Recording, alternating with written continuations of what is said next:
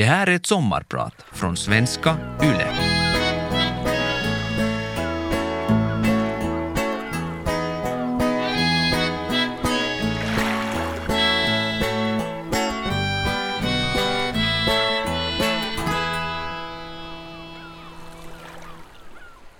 Exotiska frukter och växter har varit min passion så länge jag kan minnas. Mango, papaya, djungelgurka. Att äta dem förstås, men också att odla dem. Att försöka få det omöjliga att växa. Att skörda bananer, passionsfrukter och citroner. Här i Finland med våra kalla, mörka vintrar. Kanske blev jag sån eftersom jag är född på 50-talet då exotiska frukter verkligen var just det, exotiska, ovanliga, nästintill omöjliga att få tag på. När jag var sex, sju år gammal satt jag på ett födelsedagskalas och lyssnade på de vuxnas prat. Någon hade sett persikor växa i Esbo. Riktiga färska persikor. Jag blev helt tagen av det där och bestämde mig. Det ska jag också ha någon dag. Där föddes min dröm om persikor. Mer än 20 år senare, som nygift på annan ort, hade jag till en början ingen möjlighet att odla. Men på det sättet kunde jag inte leva. Jag fyllde en skåpbil som stod på gården med plantor. Bilen hade stora fönster och fick bli mitt växthus. Efter några år med bakslag och framsteg hade min man och jag en handelsträdgård med växthus och blomsteraffär. Då hade jag möjlighet att experimentera vid sidan om med mera omöjliga växter. Jag beställde blommor från Danmark och passade på att fråga efter persikoträd och aprikosträd. En vårvinter anlände två buntar med fem trä i vardera. Vi planterade dem i såar med ordentliga handtag och hade dem i kallt växthus på vintern och utomhus på sommaren. Efter ett par år kom skörden. Stora, fjuniga, delikata sorter. Aprikoserna mognar före midsommar och persikorna i juli. De smakar himmelskt. Jag minns ett år när släkt och vänner kom för att fira min födelsedag. Vi hade lyft ut träden på gräsmattan. Det började blåsa. Frukterna var så mogna att de föll till marken. Vi hann inte plocka upp dem. Jag tyckte det var tokigt för jag hade tänkt ha fina skålar att bjuda ifrån. Men nu fick gästerna istället plocka fallfrukt från gräsmattan. Nu för tiden finns det persikosorter som man kan odla utomhus här i södra Finland. Men på den tiden var det något som ingen hade varit med om. Plocka färska persikor ur gräsmattan. Mitt namn är Mari Kuusisto. Jag är fruktälskare och odlare. Jag målar tavlor, jag skriver böcker, både poesi och böcker om odling. Alldeles speciellt odling i små och trånga utrymmen. Jag älskar att odla nyttoväxter på fönsterbrädet. Idag är jag din sommarpratare och jag kommer att tala om min längtan att få det omöjliga att växa. Om det så är ett fikonträd, en tavla som inte vill bli målad eller en bok som inte vill bli skriven.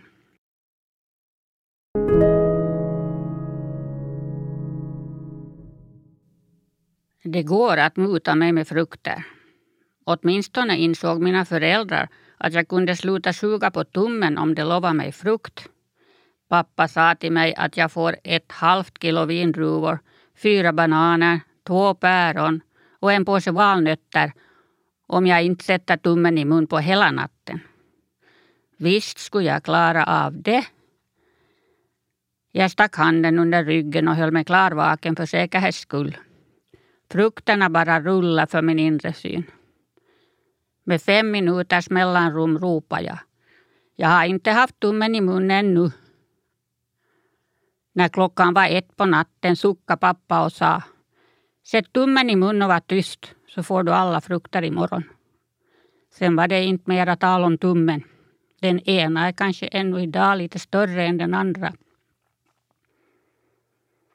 Min blivande man lärde sig också snabbt att det var effektivt att komma med en plastkasse full med frukt på fredagskvällarna. Jag minns hur jag stod och placerade frukterna i en stor skål. Om och om igen. Det var en ljusrosa glasskål med hög fot som jag fått av mormor. Alla mina kusiner har likadana. För när mormor hittade något hon tyckte om fick hela släkten samma sak. Jag vet inte, jag blev en människa som gillar att odla. Jag tror att jag alltid har varit sån. De första leksakerna jag minns var tomma fröpåsar. Jag kände en dragning till jord, lera och sand. Det lär ha varit lönlöst att klä mig fin. Jag satte mig ändå i första bästa mullhög. Jag gick omkring på berget bakom vårt hus och förundrades över allt som växte.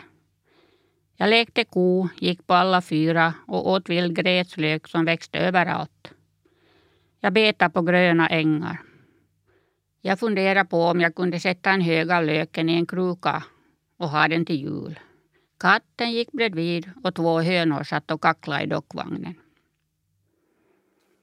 Alla barn dras väl till mylla, men många växer ifrån det. Det gjorde inte jag. Jag känner mig hemma i naturen. Människan kommer från skogen. Och jag är fortfarande lökgalen. Måste få rå lök nästan dagligen. Jag är speciellt glad över mina fleråriga löksorter som börjar växa supertidigt på våren. Piplök, ramslök, skogslök.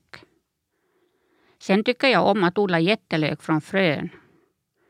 Den största hittills har vägt 1 kilo och 800 gram. Våren är min årstid och den börjar i februari. På hösten är jag halvdöd. Varje gult blad är ett nederlag. Hur kan folk tycka att döda blad är vackra? Egentligen är jag avundsjuk på dem. Men ska jag vara nedstämd på vintern är det i alla fall lite roligare om jag får vara det bland mina krukväxter. Jag kan gnida ett fruktsalviablad och andas in sommaren. Eller mitt i allt få syn på en liten knopp på en citrus. Kanske det är en flykt från verkligheten.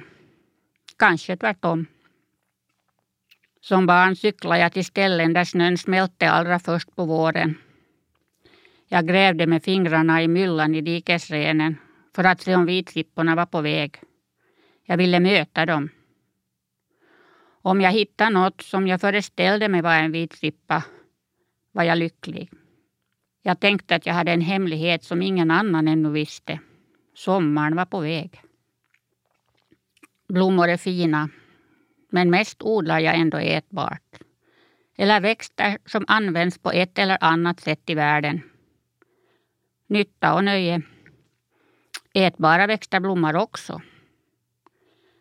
Det är roligt att tänka att någon långt borta i Afrika eller i Indien just nu plockar ett blad från en likadan kryddkalbergare eller currybladsbuske som står på vårt fönsterbräde. Det är inte stor skillnad på oss människor om vi tycker om samma dofter och samma smaker. Vårt hem blir större med växter från andra länder. Det är något hemlighetsfullt med växterna. De anpassar sig delvis. Och det är tur. Annars skulle vi knappast ha krukväxter.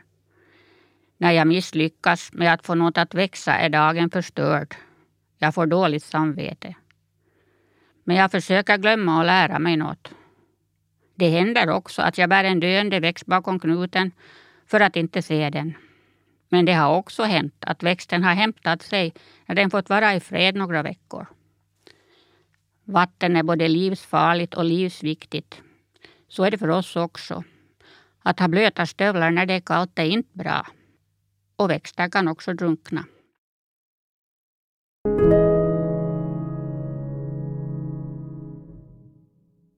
Jag blev nästan skräckslagen när jag såg den allra första bananblomman. Jag rusade in och berättade för min man, vifta och stamma. Medan vi gick tillbaka till växthuset började jag tro att jag sett fel. Det var nog bara en synvilla. Men där satt den i toppen, anilinröd och kraftig. Man kunde se början av små bananklasar. Det är 40 år sedan. Jag minns ännu hur stocken med hundra bananer sen låg där i vår tambur vid ytterdörren. Varje kväll satt jag och stirrade på den. istället för att koncentrera mig på tv-nyheterna. Och vilka söta bananer. Jag fick aldrig nog av dem. Mina första egenodlade bananer.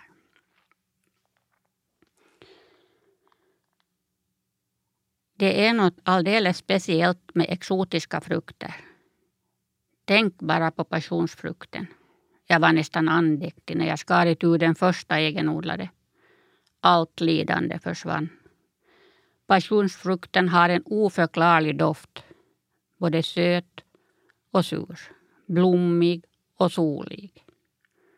Den väcker känslor som det inte finns ord för. Den lyfter på något sätt.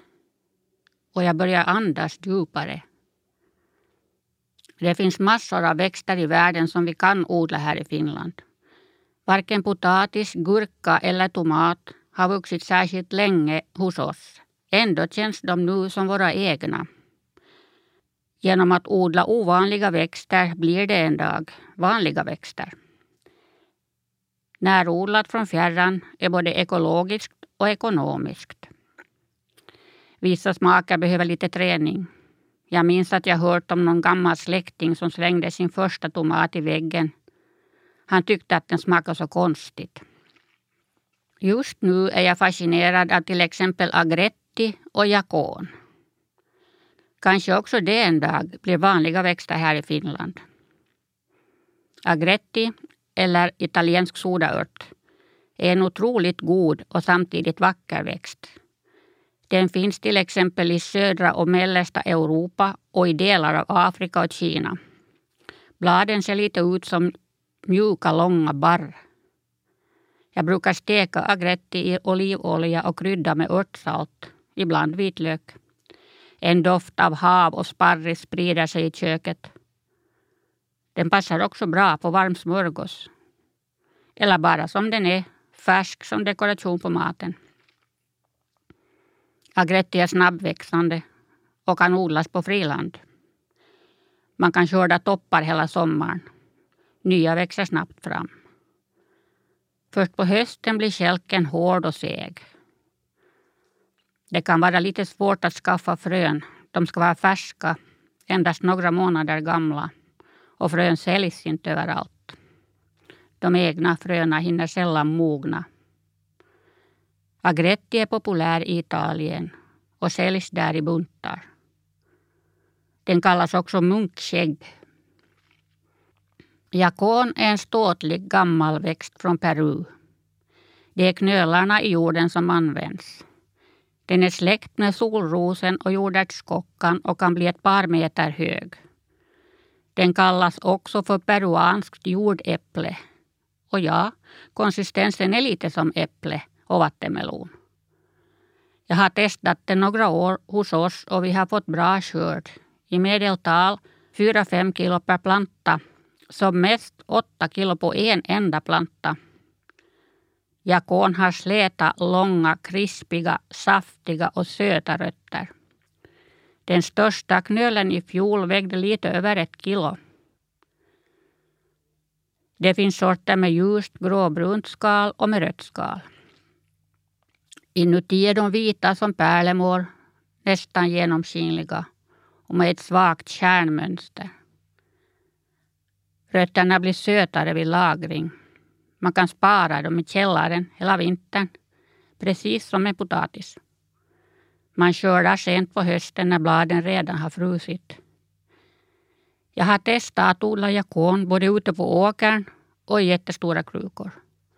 Den är samtidigt en prydnad. Stora ludna blad och små solroslika blommor på hösten. Du kan ha den i rabatten om du har utrymme. Det är lite jobbigt att få rötterna hela från jorden. De kan vara 25 centimeter långa och brister lätt. Man hör hur de spricker när grepen tar i. Bäst att gräva med händerna. Ibland är det bra att inte veta vad som är omöjligt.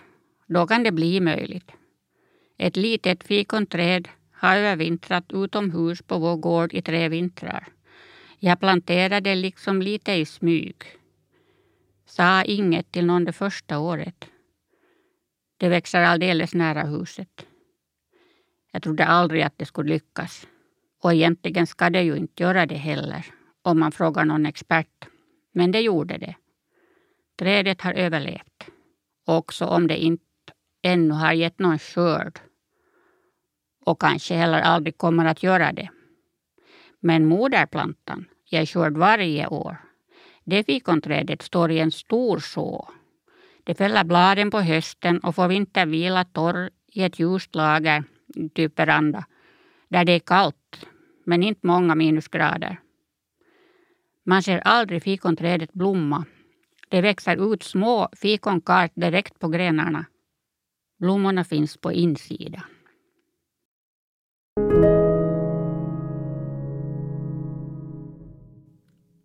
Det är inte så stor skillnad på att odla växter eller att måla tavlor. I båda fallen försvinner jag. När målningen sen är färdig ser jag vad jag gjort. Jag kan få lite samma känsla när jag skördar en speciell grönsak. I all hast tycker jag att jag har skapat den själv. Man gör på ett sätt mer när man målar än när man odlar. Det går inte att bara stå vid sidan om och se hur bilden växer. Jag har en sinnebild när jag börjar, men den tavlan är alltid ogjord. Och så ska det vara. Det är därför jag fortsätter att måla. Jag är fascinerad av tomhet, luft och avstånd. Jag vill se så långt att jag ingenting ser. Då blir det en känsla. En vit duk är skön och innehåller allt. Jag stiger över en tröskel varje gång jag söndrar tomheten. Det är när jag inte hittar orden som jag tar till färgerna och penslarna. Egentligen vet jag inte exakt vad jag målar. Målningen blir färdig på olika sätt i varje betraktare. Jag vet inte vad du ser. Men jag ser förstås min egen bild, som också kan förändras. Ofta vill jag fortsätta på någon målning senare, liksom förbättra den, eller åtminstone förändra. Livet har ju fortsatt. Det har kommit nya skikt. Jag försöker låta bli, låta tavlan vara klar när den är det. Det sägs att man går inåt när man målar och det är väl därifrån vägen går ut. Det finns likheter mellan en vit duk och ett frö. Båda framkallar bilder. Kan det ha att göra med ett behov av att se något där det finns minst att se? Blå är min färg. Allt som är besläktat med blått duger och komplementfärgerna. Varm röd färg har jag problem med. Men jag inser förstås att det inte är fel på färgen. I så fall är det mig det är fel på. Jag orkar liksom inte vara så kraftig som den röda färgen fordrar. Så fort man blandar lite blått i det röda lättar det. Det handlar väl egentligen om att jag på 70, 80 och 90-talen arbetade för mycket med röda blommor. De flesta skulle ha röda rosor, röda julstjärnor, röda nejlikor, röda tulpaner jag ryser ännu när jag tänker på den där Mercedesrosen. Den var dessutom tillplattad och kompakt. Till jul var säkert 90 procent av alla bord i vår blomsteraffär fyllda med röda blommor. Jag stod i ett rött hav. Hemma skulle allt vara vitt. Då gick det att vila. Från den tiden minns jag ett litet barn som stod i vår affär vid vitrinen med snittblommor han pekade och utbrast. Mamma, vi tar vita rosor. Mamman blev förskräckt och förklarade att sådana köper man endast om någon har dött. Kom ihåg det.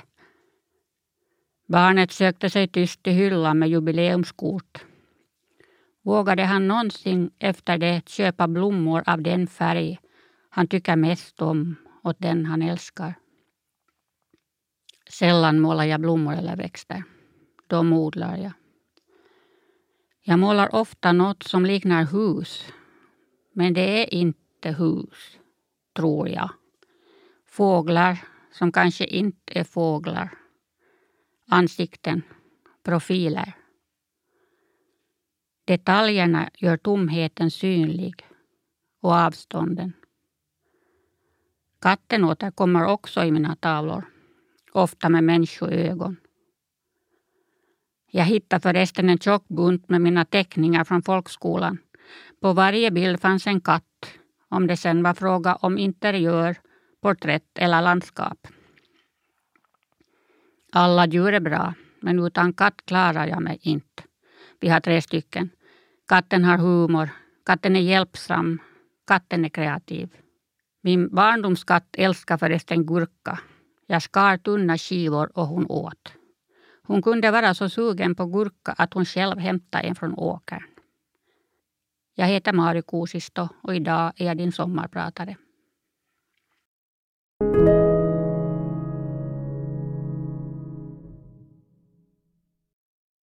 Att skriva kan vara en vånda, men jag liksom måste göra det.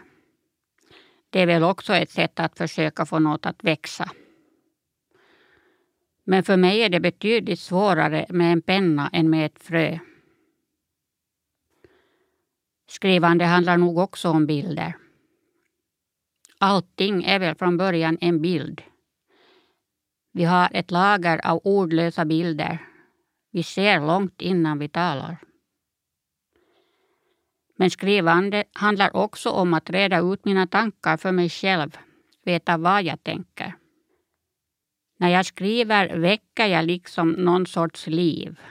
Bland växterna däremot stiger jag in i en färdigt levande värld och anpassar mig. Det är förstås olika med olika sorters text. Om man skriver en faktabok om odling eller poesi. Dikter flyger lätt förbi om jag inte fångar in dem. Raderna kan försvinna för evigt på bara en halv sekund. Här är några dikter som jag lyckades fånga in och få ner till pappers.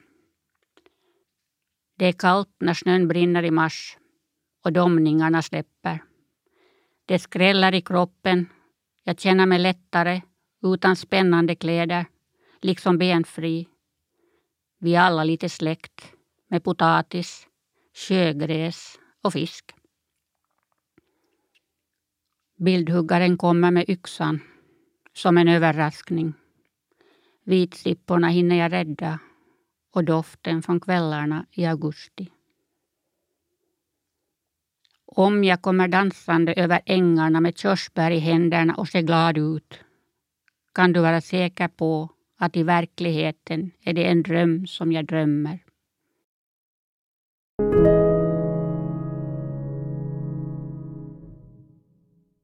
Det finns förstås också växter som jag bara behöver odla en enda gång. Jag behöver liksom veta att de finns och att det är möjligt. Eller omöjligt. Sen finns det växter jag tycker att jag inte kan leva utan. Som malabarspenaten. Tur att man kan odla den också inne på fönsterbrädet. Sår du fröna nu har du en fin växt inne i vinter. Men malabarspenaten trivs också ute på ett skyddat ställe på sommaren. Den tycker om värme så den passar också perfekt på en inglasad balkong eller i växthus. Den har blanka tjocka blad och fina små rosa blommor. Den växer snabbt och klänger sirligt. Dessutom dör den inte av torka. Det bara stannar upp och väntar på bättre tider. Först hade jag den mest som dekoration. Men nu strimlar jag ofta några blad och använder i grytor och såser. Eller bara tillsammans med stekt potatis till vardags. Malabarspenaten har också en redande verkan. Bladen är lite geléaktiga innanför. Korilan är jag fortfarande också fascinerad av. Den klänger omkring på våra staket och breder ut sig flera meter åt alla håll. På sensommaren ger den massor av skörd. Små gröna fågelformade frukter som lätt döljer sig bland bladen. De smakar lite ärtor och gurka. Medan frukterna är små använder jag dem i sallad. Man får skörda var och varannan dag. När frukterna är lite större bildas frön som man tar bort. Då kan man göra fylld korilla i ugnen. Varje höst när frosten tar bladen hittar jag hundratals övermogna frukter som ändå lyckats gömma sig. Korillan kommer från Sydamerika. Plantan har en enorm växtkraft. Så om du odlar den på balkongen i ett höghus måste du kanske fråga om grannen ovanför också vill ha den. Hela växten har den där lite gröngula färgen som får mig att tänka på våren, som björkarna i maj. Ödlebladet fångar också mitt intresse. Det luktar fisk och gyttja. Lite citron, koriander och någon sorts kyla. Det luktar konstigt helt enkelt. När vi hade besök av en indisk kock blev han så glad över att hitta sin favoritkrydda här. Jag rotade den från en kvist i ett knippe som jag köpt från grönsaksdisken i en asiatisk affär i Helsingfors. I min barndom fanns det en härlig fröaffär på Stora kyrkogatan i Ekenäs. Som barn var det mitt resemål när jag for med pappas buss till stan. Pappa var alltså busschaufför, hade sitt eget åkeri. Och det var ett äventyr för mig att ta mig från Pargasby i Bromarv in till Stora Ekenäs. Jag minns en lång smal kvinna bakom disken i fröaffären. Hon log alltid och frågade inget onödigt. Henne vågade jag byta några ord med.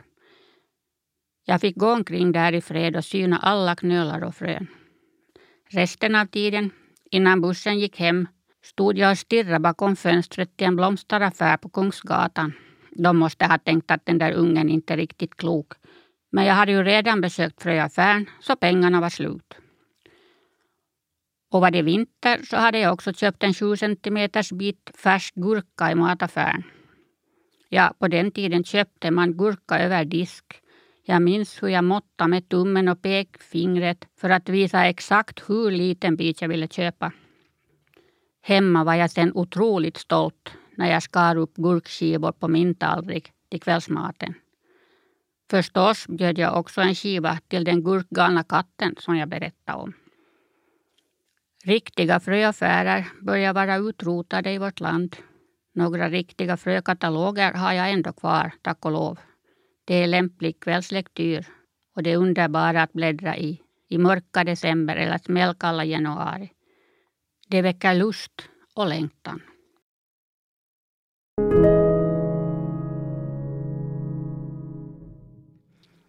Exotiska frukter i all ära, men det är något med den enkla potatisen.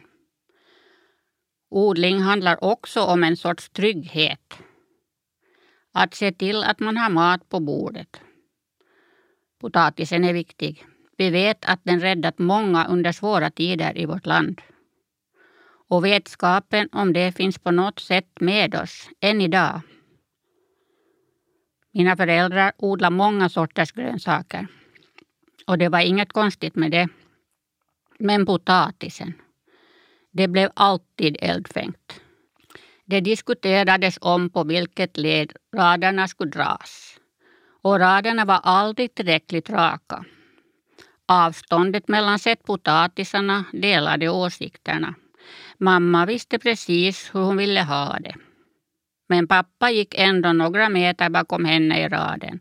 Hans stövellängd var nämligen det rätta måttet mellan knölarna, ansåg han. Mamma bokförde varje rad och varje sort i ett häfte. Tammisto, rosor, tyskar. När potatisen var i jorden dracks det kaffe och alla var nöjda och glada. Nu har jag lagt märke till att varje vår när min man och jag ska sätta potatis så står vi och skriker åt varandra. Specialväxterna däremot, de exotiska frukterna, fordrar inga större diskussioner. En intressant och lättkött växt är bittergurka. Den har förmågan att fascinera mig år efter år. Bittergurkan kan jag faktiskt odla bara för utseendets skull.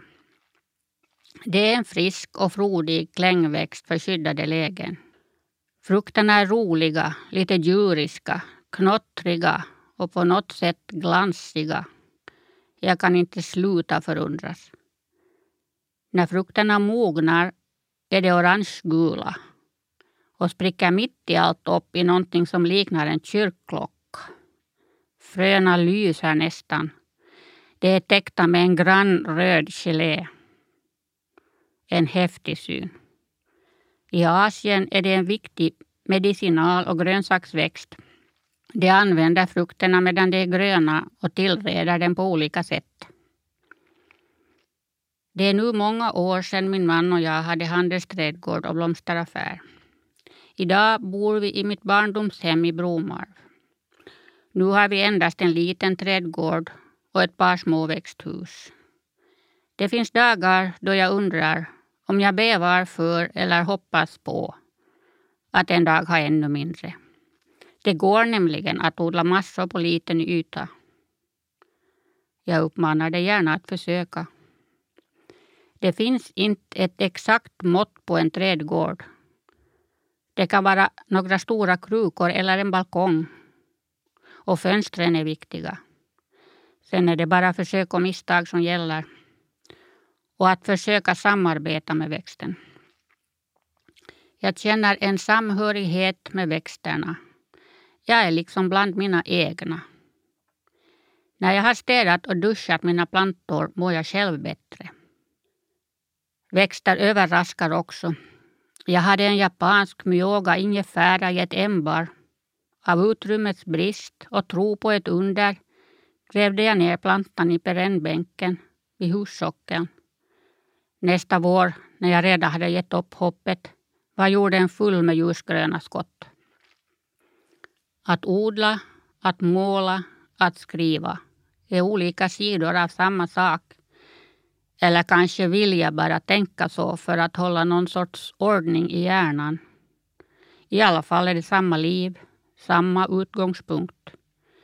Vi har ju olika årstider också. Jag tror att det är bra för oss människor att ha en del drömmar som ännu inte har gått i uppfyllelse. Att vara hoppfull, förundrad, förvånad och nyfiken är livsviktigt. En av mina drömmar är att få frukt på min fikonkaktus. Varannan dag står jag med förstoringsglaset och synar alla utbuktningar och hoppas. Jag heter Mari Kuusisto och idag har jag varit din sommarpratare. Jag önskar dig en fortsatt skön sommar.